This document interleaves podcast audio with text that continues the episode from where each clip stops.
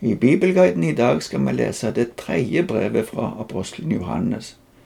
Som vi så sist gang angående dette brevet, så står det ikke noe i brevet om at det er Johannes som har skrevet det, men fordi det er så mange likheter til det andre brevet og også til det første, og også til evangeliet, så er det sterke holdepunkt for at det er apostelen Johannes som har skrevet alle disse skriftene. Anliggende i de andre brevene, og særlig i det andre brevet, er å stå imot vranglære. I dette brevet er temaet mer indre stridigheter i menigheten.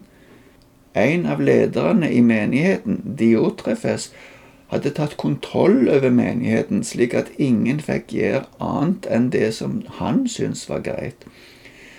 På den tida var det mange omreisende forkynnere som reiste rundt fra menighet til menighet for å oppmuntre og undervise. Diotrefes ville ikke slippe disse til, og hindre også andre i menigheten å ta imot disse. Til og med personer som Johannes sjøl hadde sendt til menigheten, ble avvist.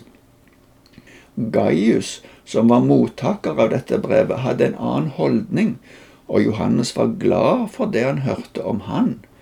Ellers så vet vi ikke så mye mer om hvem denne Gaius var. Det var visst et vanlig navn på den tida, men en tradisjon i Oldkirka går ut på at Johannes innsatte i sin tid Gaius som biskop i Pergamon. Det kan være den samme Gaius, eller det kan være en annen. Det er ingen holdepunkter for å datere brevet. Det kan også ha vært skrevet tidligere enn de andre brevene, men vi vet ikke noen ting konkret om det. Det blir uansett antatt at det ble skrevet mens Johannes virka med utgangspunkt i Efesos. På samme måten som det andre brevet, så skriver Johannes på slutten av dette brevet at han snart håper å komme på besøk. Vi skal begynne å lese. De to første versene er en åpningshilsen. Noen vil òg ha med vers tre og fire i denne hilsenen, men nå leser vi bare de første to versene. Den eldste hilser den kjære Gaius, som jeg i sannhet elsker. Min kjære, jeg ønsker at du på alle vis får være frisk og ha det godt, like godt som du har det åndelig. Som vi så sist gang i forbindelse med det andre brevet, kaller Johannes seg bare med ordet eldste. Han tar ikke med navnet sitt, Johannes, som kjærlighetens apostel uttrykker han med en gang at han elsker Gaius i sannhet. Han kommer med et ønske om at Gaius må ha det bra, både åndelig og legemlig. Det kan hende at dette blir understreket fordi Gaius ikke var helt frisk, eller at han hadde ei svak helse, men det vet vi ikke. Det kan godt ha vært en vanlig og generell hilsen. Vi leser videre vers 3 og 4, som godt kan være som en del av innledningshelsinga. For jeg ble svært glad da noen søsken kom og fortalte om din troskap mot sannheten, hvordan du lever i den. Ikke noe gleder meg mer enn å høre at mine barn lever i sannheten.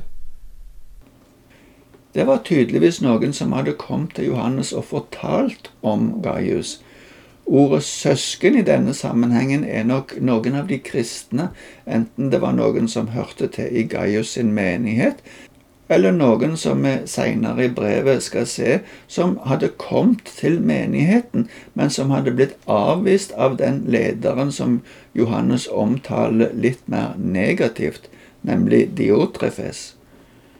Uansett disse kristne hadde fortalt Johannes om Gaius og sagt at han var tru imot sannheten. Det betyr nok at han holdt fast på evangeliet som Johannes og de andre apostlene forkynte om Jesus.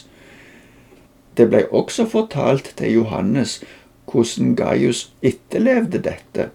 Johannes var jo opptatt av at de kristne skulle elske hverandre, og de som fortalte dette, hadde nok opplevd nestekjærlighet ifra Gaius. Det Johannes her kaller mine barn, er nok en beskrivelse av disiplene, eller de som hadde blitt kristne som følge av Johannes sin forkynnelse. Paulus bruker også dette uttrykket flere ganger. At de lever i sannheten må bety at de tar Guds ord på alvor og lever etter det. Gaius tok imot også de som han ikke kjente fra før.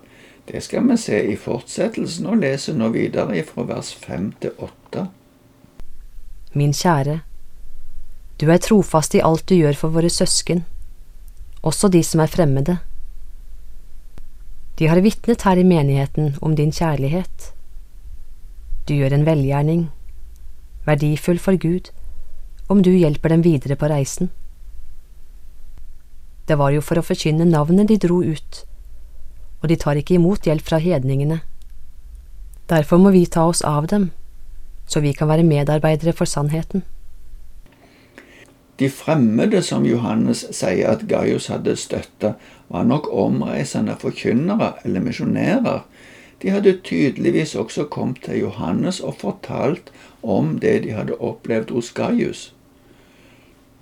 Johannes roser Gaius for det han har gjort, og oppmuntrer han til å fortsette med det. De hadde reist ut for å forkynne navnet, sier Johannes. Det er en annen måte å si at de forkynte Jesus. Andre bibler oversetter denne setningen litt forskjellig. Norsk bibel f.eks. sier det var for hans navns skyld de dro av sted. Disse forkynnerne trengte støtte fra menighetene, for de tok ikke imot hjelp fra hedningene. Det var en oppgave for menigheten å hjelpe denne tjenesten videre. I vår tid kan vi sammenligne det med misjonsarbeid der menigheten samler inn penger for å støtte de som reiser. På den måten kan vi bli medarbeidere i det store arbeidet for å utbre Guds rike. Johannes kaller disse for medarbeidere for sannheten. Men som vi har sagt før, så skal vi se i fortsettelsen at det ikke var alle som ville støtte dette. Vi skal lese ifra vers 9 til 12. Jeg har skrevet noen ord til menigheten, men Diotrefes, som gjerne vil være den fremste der, vil ikke ha noe med oss å gjøre. Når jeg kommer, skal jeg sørge for at han blir minnet om hva han har gjort. For det onde han sier om oss, er tåpelig.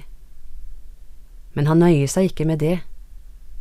Selv nekter han å ta imot våre søsken, og når andre vil gjøre det, hindrer han dem og støter dem ut av menigheten. Min kjære, ta ikke det onde til forbilde, men det gode. Den som gjør det gode, er av Gud. Den som gjør det onde, har ikke sett Gud. Om Demetrios har alle bare godt å si. Ja, sannheten selv vitner for ham. Det samme gjør vi, og du vet at vi vitner sant. Diotrefes, som gjerne ville være den fremste der, sier Johannes, var nok innflytelsesrik. Han var kanskje velstående og klarte ikke å innordne seg en menighet der andre skulle bestemme. Det kan se ut til at Johannes hadde skrevet et brev tidligere til denne menigheten, men Diotrefes ville ikke ta imot dette brevet, for han ville ikke ha noe med Johannes å gjøre, eller oss, som Johannes uttrykker det. Kanskje dette ordet oss henviser til lederne i modermenigheten i Efesus. Brevet som Johannes nevner, er nok blitt borte, for det kjenner vi ikke noe til. Muligens var Demetrios den som skulle overbringe dette brevet, og som kom tilbake med det. Nå vil Johannes snart komme sjøl og prøve å rydde opp i situasjonen. Da vil han sette Diotrefes på plass for det han har gjort. Det var ikke bare det at han hadde avvist brevet og Demetrios som kom med det, men han hadde også baktalt Johannes og de andre som var sammen med han. Gaius skal ha det gode som forbilde og ikke det onde. Den som gjør det onde, har ikke sett Gud, sier Johannes. Så kom en avslutningshilsen der Johannes sier at han snart skal komme. Vi leser ifra vers 13 til 15. Jeg har ennå mye å si deg, men vil ikke gjøre det med penn og blekk.